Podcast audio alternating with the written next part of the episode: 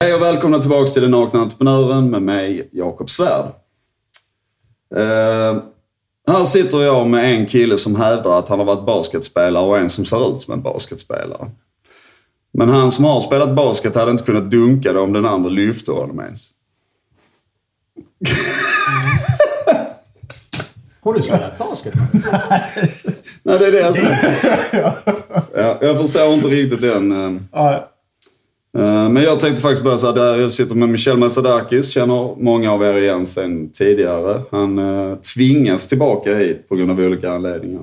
Det är jag som är ansvarig. Eh, och så har jag med mig Fredrik Molin, eh, som, eh, han är grundare av ett företag som heter Gigstep. Eh, men kommer innan dess från Polia där han var VD i detta börsnoterade rekryterings och bemanningsföretag. Kan man säga så? Ja, kan man göra. Sammanfattning. Vem är Fredrik Molin i övrigt, förutom dessa epiteter? Ja, men vem är jag? Jag är väl en ganska eh, stillsam kille, höll jag på att säga. Nej, men trebarnspappa och eh, ja, kämp, kämpar på med mitt liv. Eh, Tycker det mesta är roligt, får jag säga. Uh, jag inser det att jag är välsignad med en förmåga att släppa rätt mycket saker som jag har på, på mitt, mitt arbete när jag kommer hem och kan koppla av och är rätt duktig på det. Jag förstår att inte det är en förmåga som alla har. Vilket- Jag saknar den. Ja, Kan vi be herrarna att flytta något närmare mikrofonen? Ni är livrädda för dem. Alltså, det har jag aldrig Nej, varit med om. Så rädda människor. Ni framstår ju som... Eh, ja, och uh, Michel, du ska faktiskt få chansen att... Jag tror inte vi har presenterat det här riktigt. Inte? Nej, jag tror inte det. Vi Jaha. kör en snabb resumé. Vem är Michel Masadakis? Ja, vem är jag? Eh, entreprenör, har startat ett eh, tiotal bolag. De flesta med dig. Ja. Ja. Eh, jag, mitt första bolag startade jag när jag var 22 och 23 tror jag. Eh, 98 var det. Och du är 69 eh, nu va? 69 år. ja, exakt. Jag har väldigt bra gener. Alltså. Ja, det har du verkligen. Ja, förlåt, nu, nu ska vi försöka hålla en nivå. Men det går svårt när jag sitter med oftast. Nej, våra samtal brukar ju, eh, brukar ju flippa ut. Vi, har, ju- vi, vi tre har ju jobbat ihop Vi har jobbat ihop. i nästan två år, va? Ja, Nästan. var det Ja, något sånt. ja, minst nästan skulle jag Ja. säga. Mm. På Telezon. Ja. Ett företag som du och jag startade. ja, exakt. exakt. Innan, innan Fredrik Och vi hade, skulle vi, bli hade, vi egen. hade ju fantastiskt kul alltså. Oh, ja. Det var, det Det var, var jätte- helt jättekul galet. Ja, vi jobbar väldigt bra ihop också. Ja, vi hade absolut. väldigt mycket och ja, det var jätte, jätteroligt. Uh, idag ska vi prata om ett problem som är jätteomfattande och det handlar om konsekvensen av att arbeta med fel människor. Eller som normal människor, normala människor hade uttryckt alltså vikten av att arbeta med rätt människor. Men det blir ju också så här att Vikten av att arbeta med rätt människor, det säger ju alla. Det blir som en floskel eller en klyscha. Så därför vänder vi på det och säger vad är konsekvensen av att arbeta med fel människor? Och eh, jag hör det i alla fall när jag pratar med människor som funderar på att bli entreprenörer som ett argument att jag ska inte göra det. Det är att ja, men, eh, nej, men man blir bara ovänner. För det har de hört av så många människor. Man blir ovänner om man gör detta ihop med, med människor eh, generellt. Så min, fråga, min första fråga till er, går det i ett tidigt skede, och jag har stora förhoppningar på dig från rekryteringsbranschen, går det att undvika de värsta farorna när man liksom väljer vem man ska arbeta med? Är det någon av er som har en metod eller en tanke hur man löser det? nej. Inte alls. jo. Nej, men, men eh, det, är ju, det är förmodligen nu som jag ska säga något begåvat utifrån att jag kommer från rekryteringsbranschen. Men jag, jag tror ändå att... Ja, men där är, där är en massa olika värden. Jag, jag, jag har ju startat nu på kort tid har jag startat två bolag och, och eh, gjorde, har gjort Gigstep och eh, Skillio. eh, Skillio. Ja. Vad gör Skillio förresten? Skillio är ett rekryteringsbolag. Och Gigstep Och är... Gigstep är ett konsultbolag. Okej. Eh, Så vi var, Mm. var Har att rätt splitta ut begreppen? Ja, exakt. Ja, men vi har valt att splitta på det där då, bara för inte... Ja, men vi tror att det kan vara bra. Ja. Eh, Och då har jag ju valt att jobba med människor som, som jag har jobbat med länge eh, tidigare. Eh, och, och varför det? Jo, därför jag vet hur de reagerar i vissa givna situationer och jag vet också att jag kan lita på dem. Tillit är ju en, en, en superviktig grej. Eh, när det blåser snålt i, i, Precis. som är egen företagare och då är det ett jävla skitår också att driva ett rekryteringsbolag eh, på. Därför att, eh, ja. Ja. Det är tydligen någon pandemi. Eh, Men, men, De säger det. Eh, så, och, så, och då tror jag att jaha, man kan ju säkert testa människor och framlänges och baklänges på olika sätt, så här beteendevetenskapligt. Mm. Men jag tror fortfarande att eh, den här gamla klassiska magkänslan eh, är liksom... eh, Och vad är Mm. Det? Ja, eh, har man den? Jag vet inte. Jag, jag tycker att jag har det. Mm. På, på något sätt liksom. Eh, och, och sen så tycker jag då att, återigen vill jag liksom tilliten att, att att man tar sig igenom situationer som är lite bökiga liksom, på olika sätt. Men det blir lite som en övning först och främst. Att klara och ta sig igenom bökiga situationer avgör lite grann om man kan, om du har valt rätt människa eller inte. Ja, ja Så men jag tror... frågan är om du kan sätta igång en prövning innan så du vet. Alltså, ja, nej, men och, och det vet jag inte. Är liksom- bestig ett berg tillsammans. Liksom. Ja, nej, men, och det tror jag egentligen hade varit skitbra. Vi, när man gjorde militärtjänsten så gjorde vi sådana stresstester. Mm. Och det var ju för att se liksom, hur fan reagerar människor i, i jävligt Mm. liksom, pressade situationer. Ehm, så att det kanske är något näringslivet skulle... Men faktum är att ja, det militära är ju, vi är ju utbildade i UGL. Utbildning, vad är det? Utveckling, gruppledarskap eller vad det är. Mm. Ehm, och det är ju en militär. Militär är ju otroligt duktiga på, eh, På just de grejerna. grupputveckling. Och Jag ska skicka dig till Israel på någon sån specialutbildning nu. Michel. det, Mossad. Ja, ja, som skitbra. Mischa, alltså två års extra värnplikt nu när han Ja. ska fylla 45. Du får måla, kamouflagemåla Ja, exakt. Men de människorna du jobbar med nu, hur, hur, när startade du jobba med dem och hur valde du dem? Så att säga? För att nå, någonstans så har du ju börjat jobba med dem. Och vad, vad gjorde du då? Och vad var det som gjorde att du valde att jobba med dem, så att säga? Ja, det var en jättebra fråga. Eh, Anna Tannerfalk som jag driver Skiljo med har jag jobbat med sen, eh, ja, men sen Jobblink-tiden då. Det var 2011 någonstans. Var hon anställd då, eller? Ja, det var en anställd. Okej, okej. Ehm, ehm, och det, var, det är väl mer, och det jag har letat efter är, är ju... Vem är Anna? Nu har din lyssnare här som sitter och undrar vem är Anna? Ja, men Anna är, är eh, en kollega till mig då i, i Skiljo. eh, och vi är Ni kollegor. har jobbat ihop innan. Ja, precis. På Jobblink och Polia då också. Så att vi har arbetat tillsammans i nio år någonting. Tio år kanske. Sånt. Eh, och, och där är det ju mer en attityd som man letar efter. Att, att i början då, i alla fall för min del, att, att vår, min bransch är extremt um, aktivitetsbaserad. Och det var väl också liksom Telesol, alla säljbranscher som är... är du, du, måste, du, måste, du måste ha ganska hög aktivitet för att sälja. Liksom. Eh, och, och då tycker jag att den attityden är jävligt viktig att, se i början. Att ja, men gör de här, de här personerna, man kan inte göra rätt saker alltid. Det, blir, det är skitsvårt. Det har jag också gjort en massa fel. Liksom. Men, men gör man saker för att röra sig i rätt riktning eller inte? Och det är en sån attityd som jag har letat efter när jag liksom har anställt från början. Då.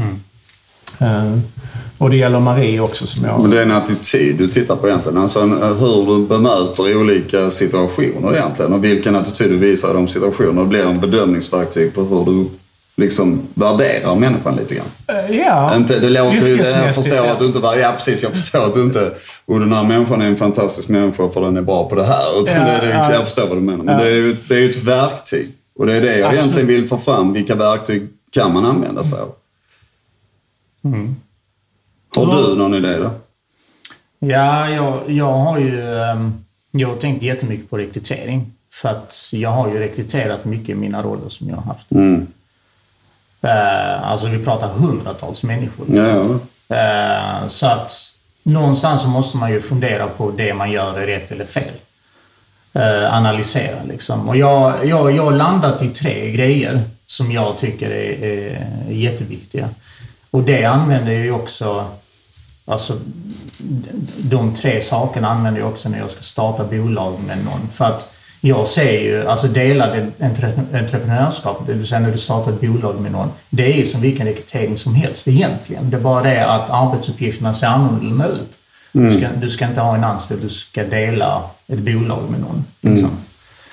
Eh, så, för mig Just är det, så för mig är det samma sak. Alltså det blir ju en rekrytering. Det blir ju en, en rekryterings... eh, eh, Ja, så är det. Men jag, jag tittar ju alltid eh, på kunskap eh, först. Ren kunskap. Ren kunskap. Vad är det vi ska göra? Är det det du brukar säga? Klar. Den enda frågan är, klarar den här människan det här jobbet? Ja. Det är det du brukar säga till mig. Ja, rent kunskapsmässigt. Och sen brukar du säga så här.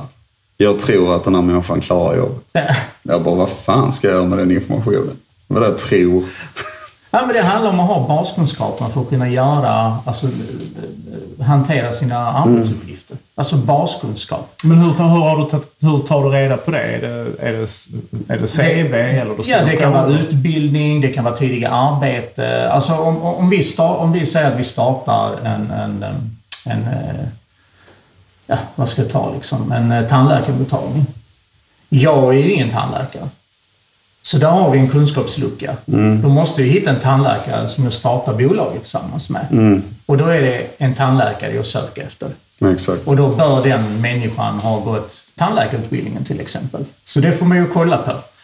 Och sen kan jag bedöma hur duktig tandläkare är den personen. Då kan man ju titta liksom via referenser och tidigare arbete och så vidare. Men Men, men en följdfråga på det då. Det, det, det, tandläkare är ju ett legitimerat yrke. Det är Exakt. ganska enkelt. Men om man säger att man tar, att man tar en rycker Jakob i mitt Ja, men ben. vad fan. Eh, nej, nej. men om man ska ta en säljare. exakt ja. Det är ju svårare. Ja, det är mycket Eh, svårare. Som, som, som kanske inte ens säger att de har gått gymnasiet bara. Exakt.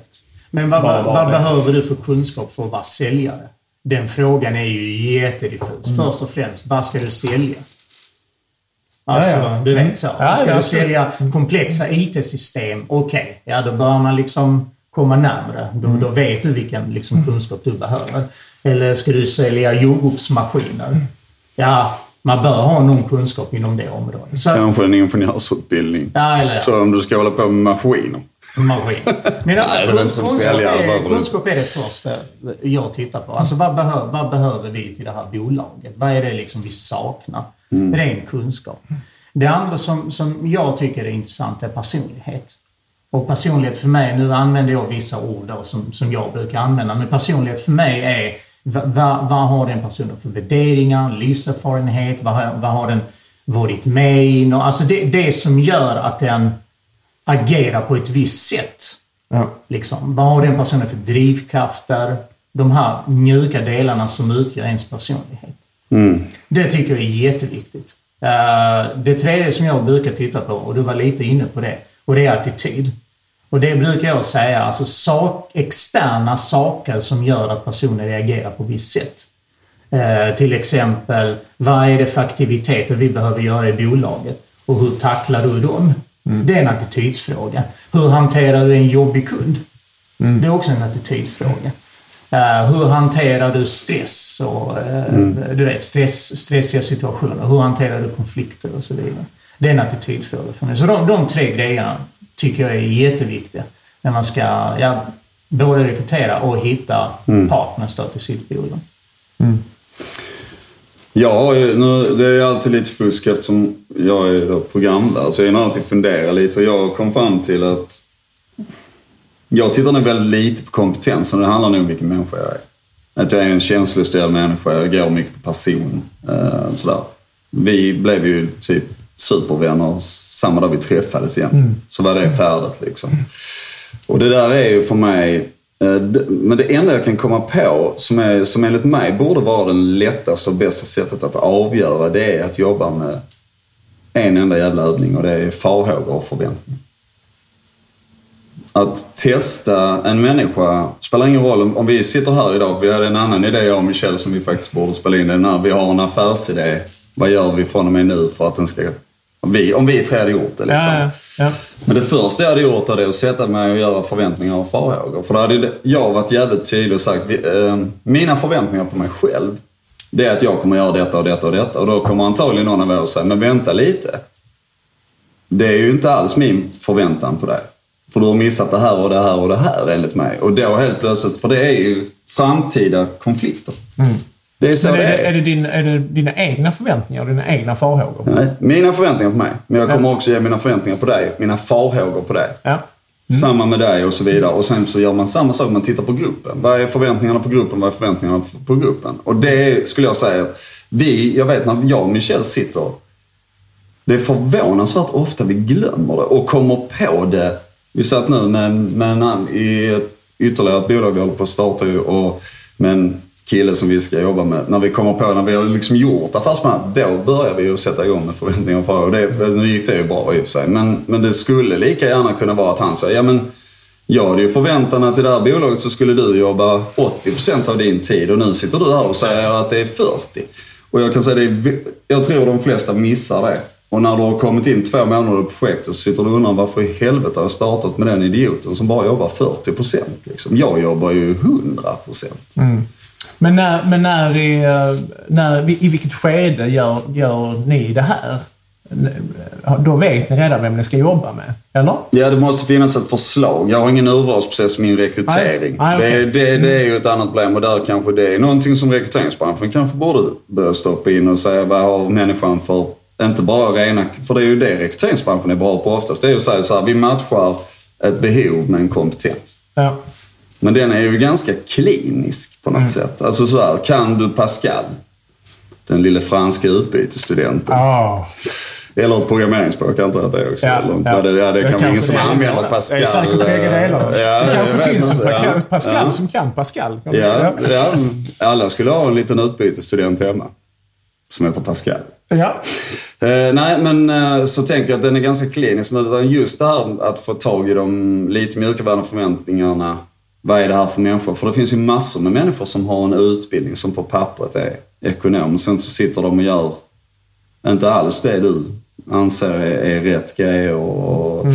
De jobbar inte på det sättet som du hade tänkt att de skulle göra. Så jag tänker att med en övning som handlar om förväntningar och framförallt farhågor. Därför att i dagens samhälle, många som är åtminstone i vår generation, är uppväxta redan med det här, eh, den personliga utvecklingen och det är utvecklingssamtal och ja. sånt som våra föräldrar inte överhuvudtaget visste vad det var ju. Nej. Men vi har ju helt andra möjligheter idag att göra de övningarna för, och framförallt så tror jag så här att om vi säger att vi tre hade startat, vi har inte jobbat ihop innan säger vi då, så säger jag dig, ja men eh, det visar sig på övningen att du har en förväntan på dig själv att du ska jobba 40%. Jag har initialt att du har 80% men under övningen så förstår jag ju helt plötsligt dig kanske. Ja men jag hinner inte eller jag kommer aldrig kunna ge det. Däremot så kan jag ge detta och då kan jag ju välja att acceptera det och säga att ja, men jag köper den här lösningen. Det är inte som jag hade tänkt från början. Men det är ju värre om jag går med min förväntan och i jobbet gnisslar tänder över dig som bara, vad fan gör han inte det? Ja, då blir det bara konflikt. Eller hur? Ja. Så jag tror att du kan, jag tror du kan spara mycket på det. Och uppfylla förväntningar bäddar ju för konflikter. Lite grann ja. Och det, jag menar konflikter för det inte närmare målet. Mm. Speciellt mm. när du ska starta ett bolag och du är nystartad. Du mm. vill ju inte ha de här konflikterna som egentligen är rätt så onödiga. Om man nu hade gjort sin hemläxa från början. Exakt. Det vill säga lägga korten på bordet och mm. säga så här vill jag jobba, så här förväntar jag mig att du ska jobba. Mm. Och så här ska vi hantera vissa saker. Det, mm. det handlar om kommunikation. Men det är väldigt, väldigt få som gör det. Konstigt nog. Mm. Jag, vet, jag vet inte varför. Men äh, man är nog rädd för att liksom förstöra den här romantiska bilden av att starta ihop mm. och allting ska vara fantastiskt. Mm. Ja. Men allting är ju inte fantastiskt för vi är olika människor mm. och vi fungerar på olika sätt och hanterar mm. olika situationer fel. Så istället ska man vara väldigt kommunikativ och mm. egentligen överkommunikativ från början. Och Precis. prata just om förväntningar. Ja. Mm. En, en, annan grej som, som jag vill jättegärna prata om är ju ansvar. Uh, vi har ju pratat ganska mycket om det. Vi, vi är ju... Vi gillar ju inte titlar egentligen. Liksom. Ja, vi... Titlar är ganska... Ja, onödiga egentligen. Mm. Vad betyder en VD? Men vad fan hamnar du i denna diskussionen? Jo, Ska vi byta ämne eller? Nej, men det är exakt samma ja, grej. Det kommer säkert. Hoppa på. Nej, men, eh, alltså. Om vi startar ett, ett bolag och säger att du är VD Fredrik mm. och, du är eh, försäljningschef mm. och jag är ekonomichef. Mm. Vad innebär det egentligen? Mm. Vad gör en VD? Och vad gör en försäljningschef? Och så mm. vidare. Ja. Så, så, titlar är totalt, totalt ointressant. Men detta är man ska också, prata om ansvarsområden. Detta är också jätteviktigt. För det där tycker jag du, du har varit en oerhört stor förebild för mig. På det, den delen att du har pratat alltid om det här med att ansvar och mandat måste gå hand i hand. Ja. Annars har du en konflikt liggande till.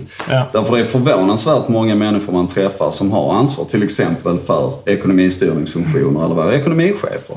Men när du börjar titta på det så har de egentligen ingen, de har inte mandat att byta varken liksom ekonomisystem eller någonting utan det ligger ett steg ovanför. Vilket gör att då är det ju inte lönt att människan har ansvaret. Har du inte mandatet ska du inte ha ansvaret. Nej.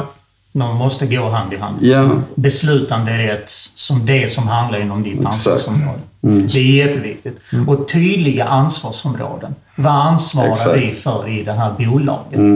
Det, det går hand, lite hand i hand med förväntningar. Ja, men men, det blir, men, det Jättebra blir, men det blir väldigt tydligt när man pratar om ansvar. Det vill säga, vad är det som behöver göras? Precis. Du vet, när vi ska starta ett bolag så har vi en lista på, jag vet inte, hundra saker. Ja.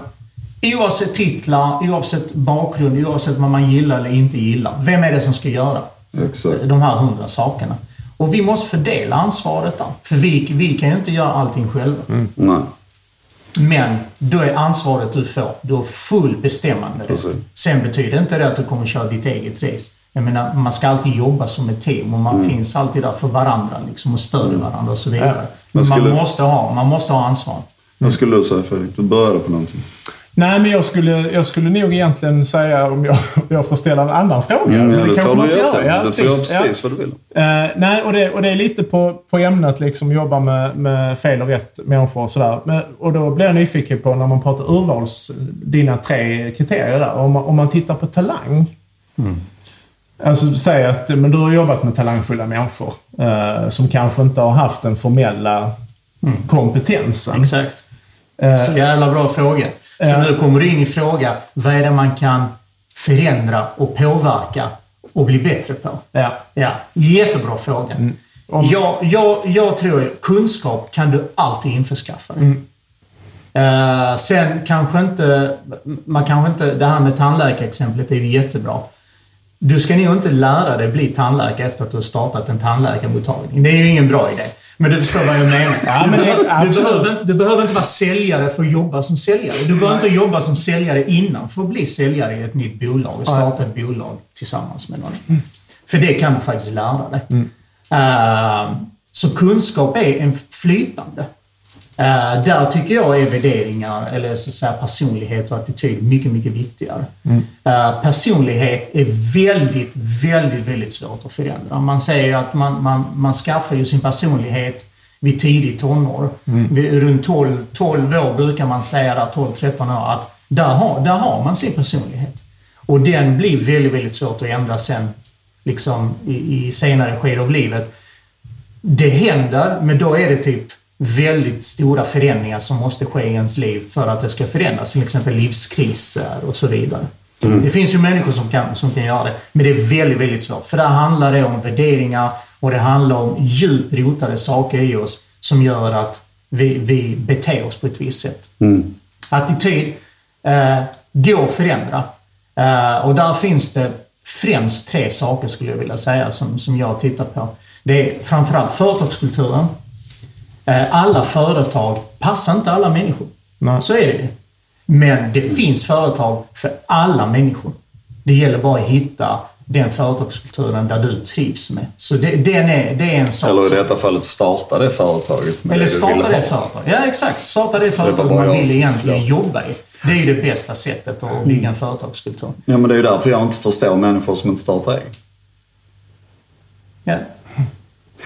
Det, Alltså. det, det andra är ehm, arbetsuppgifter.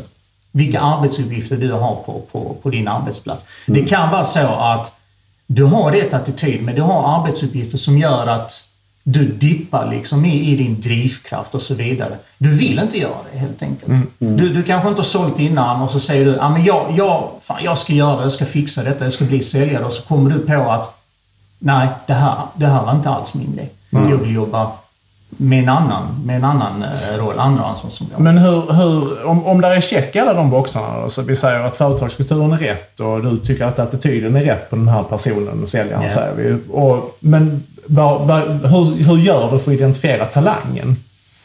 är det, är liksom, men vi säger det här är en kille eller tjej som, som har aldrig jobbat som säljare, men verkar social och trevlig och säger de rätta sakerna på intervjun. Om, om jag säger så här då. Alla är talanger. Du, bara, du måste bara sätta dem i rätt sammanhang. Nej. Det lät tror jag. jättefint, Michel. Ja, jag, det lät tror, ju- jag tror innerligen så tror jag på det att du Det kan... där var både inkompetent sagt och allt. Nej, men jag tror- jag nej, tror nej, men verkligen på det. jag, Men för mig- näringslivet för mig- letar efter talanger. Jag, jag vet, men Så- för mig är det en attitydsfråga. Ja. Jag tror att det finns rätt plats för alla människor. Jag tror innerligen så Mm. tror jag på det. Det är bara det att det är... Det, det, Vacker människa. Han nej är- men alltså det är, Ja, jag ja, tror ja, verkligen ja. Ja, på är insidan. jag, Jag säger, tror att de tror det. jag, jag, tror- det är därför jag säger att alla bolagen är inte till för alla, alla människor. Eller alla, alla jobben ska jag säga är inte till för alla människor. Men det finns ett jobb för varje människa. Det, det tror jag. 100 procent. Ja. Mm. Jag tror på det. Så, så talang för mig är när alla de här sakerna stämmer. Då kommer talangen. Ja. Ja, då, kan, du- då kan du se en fantastisk utveckling på människor. Och vi har sett, vi har sett det i, i våra företag. Vi har sett människor som inte fungerar på ett sätt. Och så tweakar vi till och sätter vi dem i ett helt annat sammanhang. Så ser du plötsligt, vad hände där? Plötsligt så har du en talang. Vilket var ett, ett, en, en, en anställd som hade problem innan. Men plötsligt så blev det en talang. När du förändrar vissa saker. Sen kanske Coolt. det inte funkar på just det bolaget Nej. överhuvudtaget. Nej. Men den, den tror jag. Ja, är bra. Det är faktiskt bra. Ja, Det han säger. ja, ja, Måste jag ja, väl ändå det ge honom. Ja, jag sitter här och försöker komma på vad jag ska säga för att trycka till honom. och det enda jag kommer på det är när han må ha ett fint inre. Men det är också det enda. Nej, men det, det, låter, det låter fantastiskt, men, men det, det, du, alltså, tänk bara konsekvenserna om vi verkligen hittade rätt sammanhang för alla människor. Ja. Vad hade hänt då? Alltså, Ja, tänk er ja, bara liksom... Jag säger inte att det är möjligt. Det är antagligen är det statistiskt omöjligt. För att det kommer finnas liksom människor som inte trivs i sitt arbete. Eller tycker liksom att ens chef är, är pina. Eller trivs inte med sina arbetsuppgifter. Men det, det jag kan säga 100% är att det hade gått att bygga bolag så att alla människor passade in. Därför att som du säger så är det olika. Det kan vara en fantastiskt talangfull människa men som klarar, kommer aldrig klara att reda ut och jobba mer än 50%. För att man får stresspåslag eller vad det än är. Men det går ju att bygga bolag till alla, alla sorters människor. Det är som du säger. Sen är frågan, jag tror inte formen finns överallt. Nej. Det Nej, finns så inte för alla människor idag. Men det det. är teoretiskt sett möjligt att göra det. Så är det Och det där är ju, jag menar, det är ju generellt en ganska stor utmaning om man, om man nu liksom startar bolag. Jag vet inte hur många procent av svenskarna som gör det, men nu är det lite fler. Det blir fler och fler liksom. Men I don't know, det får vi kolla. Eh, Jo, det Men, men, men då är det ju också en utmaning för det befintliga näringslivet. Eh, och, och liksom, ehm, ja, men med den inställningen så skulle, skulle man ju hitta, då skulle vi ha noll arbetslöshet i princip. Exakt, ja. Liksom, om man hårdrar det. Så, så, så vad gör de stora bolagen? Nu kan ju vara nästa en, en gäst här som, är, som är chefer för stora bolag. Eh, vad gör de för att liksom hitta rätt talanger? De använder ju rekryteringsbolag och sådär naturligtvis. Men, men det blir, den exaktheten är ju så jävla... Alltså felrekryteringsprocenten är fortfarande så hög. Ja, den är ju Så är det. det. Ja, ja. Alltså någonstans när trycket för att ta in människor blir större än tillgången. Då får du in människor som kanske inte är 100% rätt för ett bolag. Och då uppstår de här liksom, skillnaderna. Det vill säga att du har människor i ditt bolag som kanske inte passar i det sammanhanget. Eller när 100%. kompetensbehovet blir för stort. Eller? Kompeten- när- ja, exakt. När kompetensbehovet blir för stort, det vill säga att det finns brist. Liksom. Ja. Eh, det finns ju vissa bristyrken idag som är väldigt, väldigt tydliga. Liksom. Så, så, eh, eh, utvecklare Ja, ja. är en sån. Absolut. Eh, och där kanske man inte tittar på de här delarna. Eh, man, tittar, man, man, man får in människor som kanske inte man hade tagit in innan. Mm. Eh, Man chansar, eller?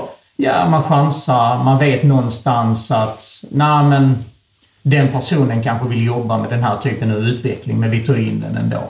Och då får du liksom en, en, en skillnad i vad den personen egentligen älskar att göra. För utveckling är ju så brett liksom, så du, kan, du kan ha på med olika, olika saker där. Eller det kan vara så här att man har en tydlig företagskultur i bolaget. Eh, och när man benchmarkar det så kanske man får de svaren som man kanske förväntar sig. Nej. Men man tar in den personen ändå för att det finns brist. Liksom. Du sitter där med projektet, du behöver tio utvecklare och du har fem av dem. Vad gör du? Måste komma igång liksom. Så är det ju. Så egentligen är det ju det är mycket enklare, skulle jag vilja säga, att rekrytera i ett mindre bolag än vad det är i ett stort. För att där har du mycket mer liksom inflöde. Ja. Ja. Så att... Eh, ja.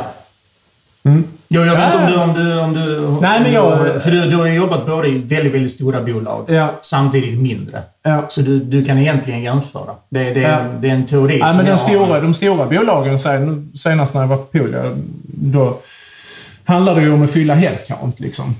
Eh, och, och skickliga chefer, eh, eh, mellanchefer och, och affärsområdeschefer och sådär, de, de strävar ju ändå efter att hitta rätt person eh, i företagsstruktur och sådär. Men, men, men till sist så är ju, är ju nyckeltalshetsen och headcount-hetsen är, är Ja, men vi måste göra budget. Eh, och, och i en personalintensiv bransch, som bemanning och rekryteringsbranschen är, så gör du inte budget om inte du har personer på plats. Så det blir ju moment 22. Att du hela tiden, och, då, och då har du också liksom hela tiden en kör med människor som flödar igenom i, i, i bolaget och egentligen bara kostar pengar. Exakt. Hade du valt att göra det i, i ett eget bolag? Att ta in, trots att du vet att du kommer öka din omsättning, hade du valt att ta in en människa som du är tveksam till? Nej, eh, nej det hade jag inte. Eh, och, och, där, och, det, och det är ju det som är ytterligare intressant då kan jag tycka med, med liksom, nu när jag har valt att göra det här karriärskiftet som för min del är ganska stort att vara chef för ett stort bolag och sen så gå och starta eget. Så. Eh, Det är ju att det är min, en av mina huvudsakliga drivkrafter nu är ju att ha roligt. Eh, och, och, och, och ja, är det här en människa som jag skulle kunna ha roligt med eller inte? Exakt. Eh, eh, och nu är inte det hela... Liksom, jag hela förstår san- precis vad du Man måste liksom ha de andra grejerna. Attityd och, och kompetens också. Men har man inte kul, eller har inte, förlåt, fel. Har inte jag kul nu så känner jag att, nej, liksom. Jag har kommit för långt i mitt yrkesliv för, för att sitta och vända vi, Excel. vi, Det handlar om lägga att till, omge sig med rätt människor. vi borde lägga till, på de här tre grejerna jag har, så borde man lägga till en grej till. Eh, Patrik har ju en sån fråga som jag alltid använder. Pratar vi om Patrik Södergren. Patrik Södergren som var rockstjärna i avsnitt två. Vill du äta lunch med den här personen? Inte för att du måste, men vill Nej. du verkligen gå ut och äta lunch med den här personen? Vem Det fan bryr sig om det? Frågan är, vill du fira jul med dem? Ja, just Ja, det är nog bättre.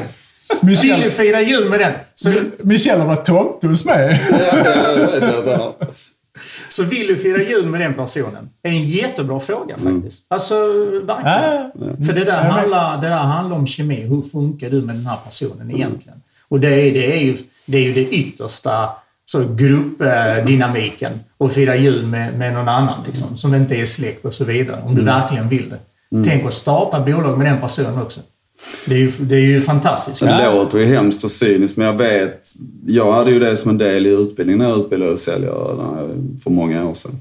Och när, då, då hade jag det som ett exempel. Jag sa att den dagen ni får kunden att faktiskt vilja fira jul med er när de sitter på, vid sitt skrov, så då, då vet ni att ni har gjort rätt.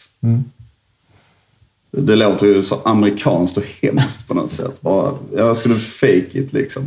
Men, Ja, det är ju jävligt osvenskt. men det handlar ju om, nej, men det handlar om att vara likeable. Och likeable blir du när du förstår eh, andra människors behov. Och, och, och bidrar med någonting till de människorna. Och då är det precis som du säger, därför att ingen vill ha en... Till exempel, du vill inte ha...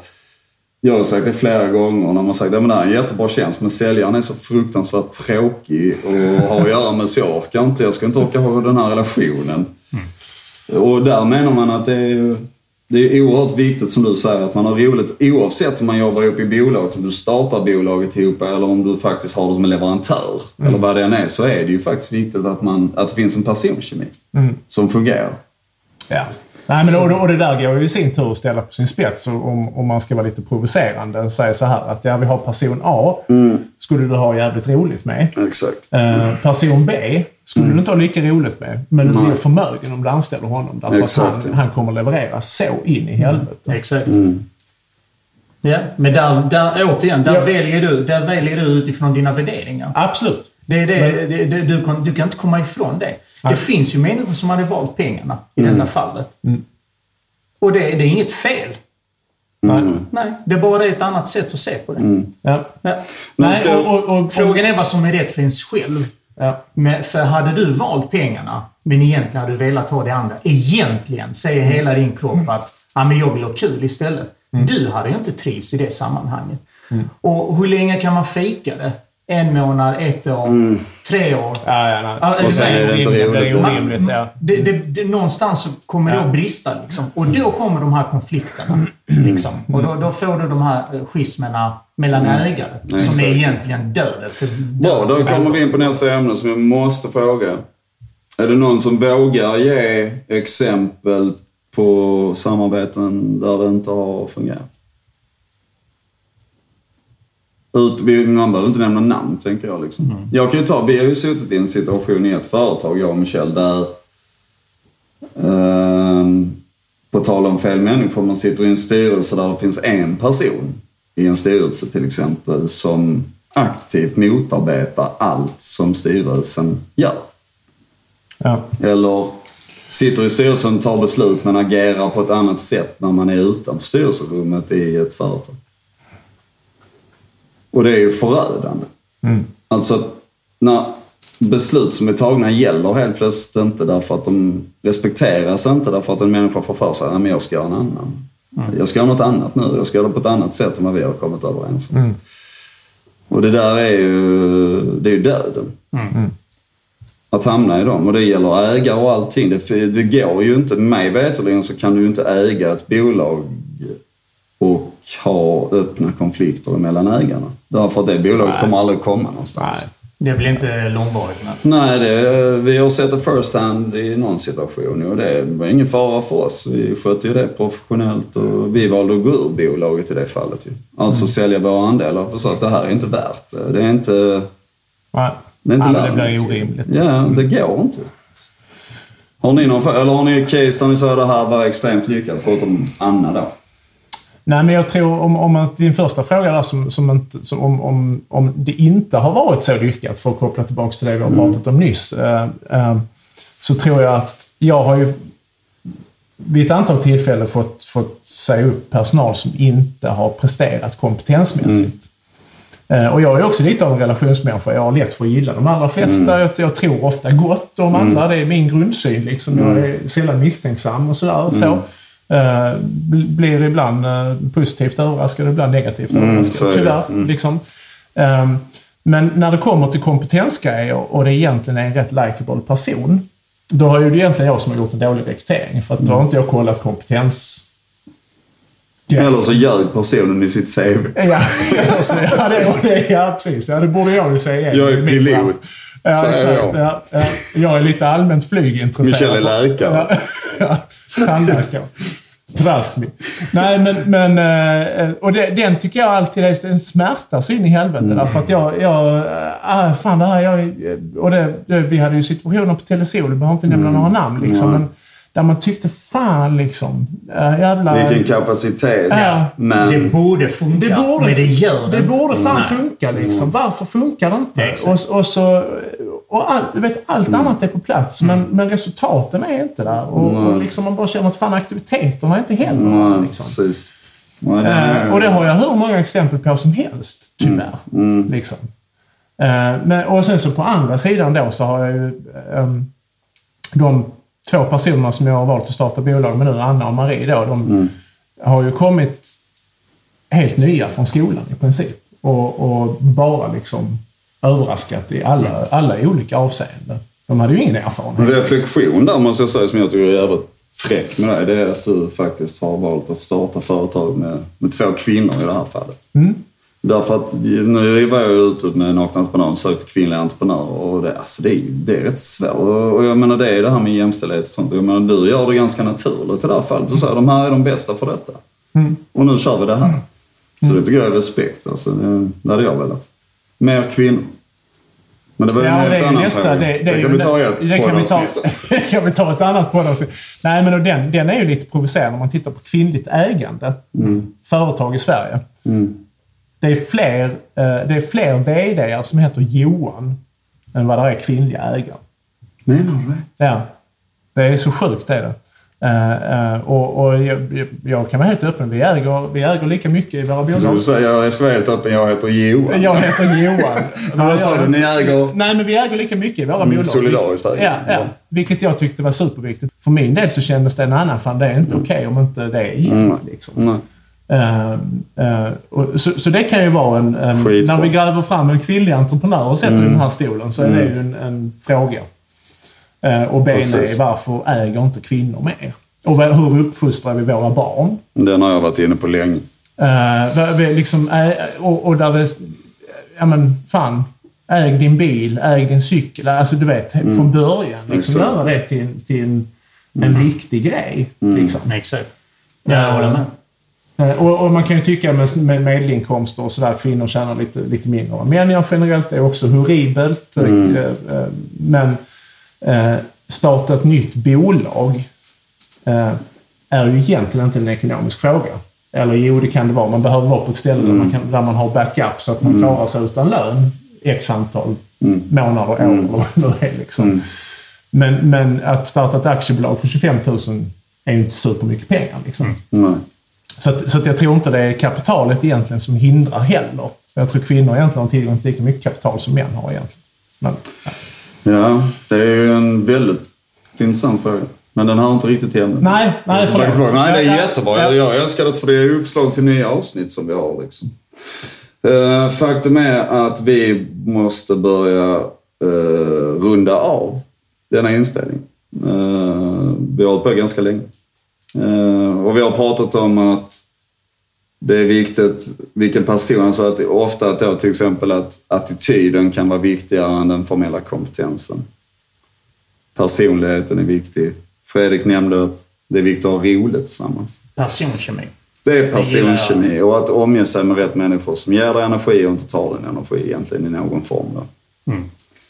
Eh, och tillit och lojalitet är också en, en grej som har, som har kommit upp. Då. Där Fredrik är bättre på det än vad jag är till exempel. I grunden att jag, jag är nog mer misstänksam än vad Fredrik är och så vidare. Eh, ni ska ha ett jättetack. Alltså det är fantastiskt. Jag, eh, och idag så kände jag att jäklar vad ni pratade. Ja, det är det som är meningen. Ja, ja det, jag, måste jag leverera. älskar det. Jag tycker att jag har fått, jag har fått sitta och, och, och koppla av och njuta Ja. lite grann. Så stort tack och tack till alla er som har eh, lyssnat eller tittat eh, på det här spektaklet. Eh, och ni får jättegärna, jag har varit på er innan, posta gärna videokommentarer eller ja, vanliga kommentarer också. Eh, har ni lösningar för hur man väljer rätt människor när man arbetar eh, så får ni jättegärna tipsa om det. Skriv eller posta. Tack så mycket.